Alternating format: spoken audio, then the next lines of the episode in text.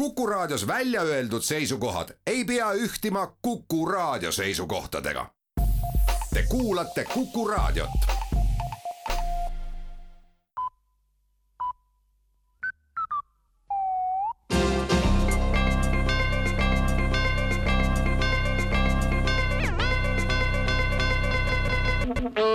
tere kuulama, uudistega eetris Rohke Develak. Keskerakond kutsub inimesi üles ennast koos kodus leiduvate toiduainetega pildistama ja laadima neid pilte üles oma sotsiaalmeediakontodele.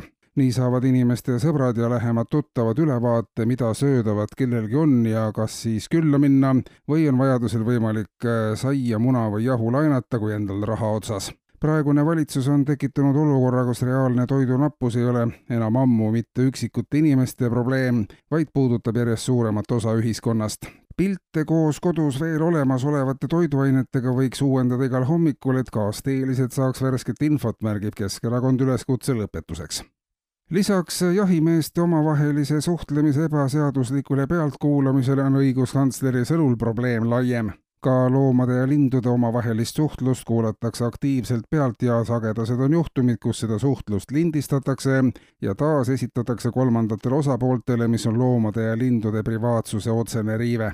Veelgi raskematel juhtudel müüakse lindude omavahelist suhtlust ja teenitakse sellega finantstulu, millest linnud ja loomad aga ei saa mingisugust kasu, sest autorikaitseseadus ei peeta millekski sagedased on lausa ekskursioonid metsadesse, kus linde kuulatakse pealt eriti suures ulatuses paljud inimesed käivad sel eesmärgil jalutamas parkides või istuvad oma aias, kuhu on lisasöötmisega linde kohale meelitanud.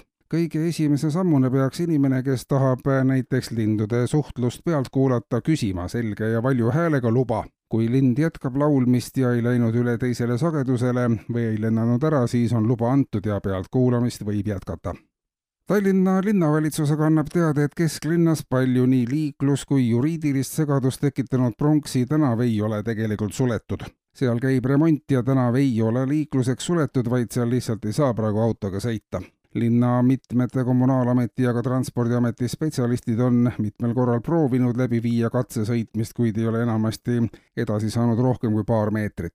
tänavad, kus pole remondi tõttu võimalik sõita, ei olegi mõtet sulgeda. liiklusmärgid sulgemise kohta on aga pandud üles seepärast, et selliseid märke pole üldse veel välja mõeldudki, mis praegu Pronksi tänaval toimuva adekvaatselt kokku võtaks konkureerivate tee-ehitajate meelepaha on seega põhjendamatu, leiab linnavalitsus arstide liit annab aga teada, et edasiste meditsiinisfääris toimuvate arengute paremaks kulgemiseks on plaanis kaasata keelespetsialistide abi.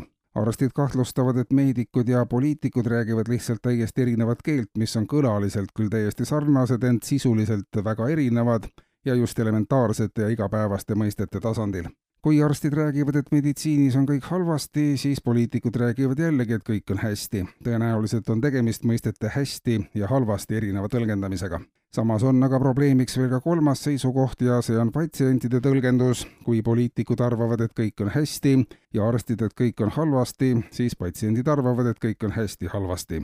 probleemiks tõenäoliselt ongi patsiendid, kelledest osad tunnevad ennast hästi ja osad halvasti, märgitakse valitsuse poolt meedikutele saadetud vastuses. kuulsite uudiseid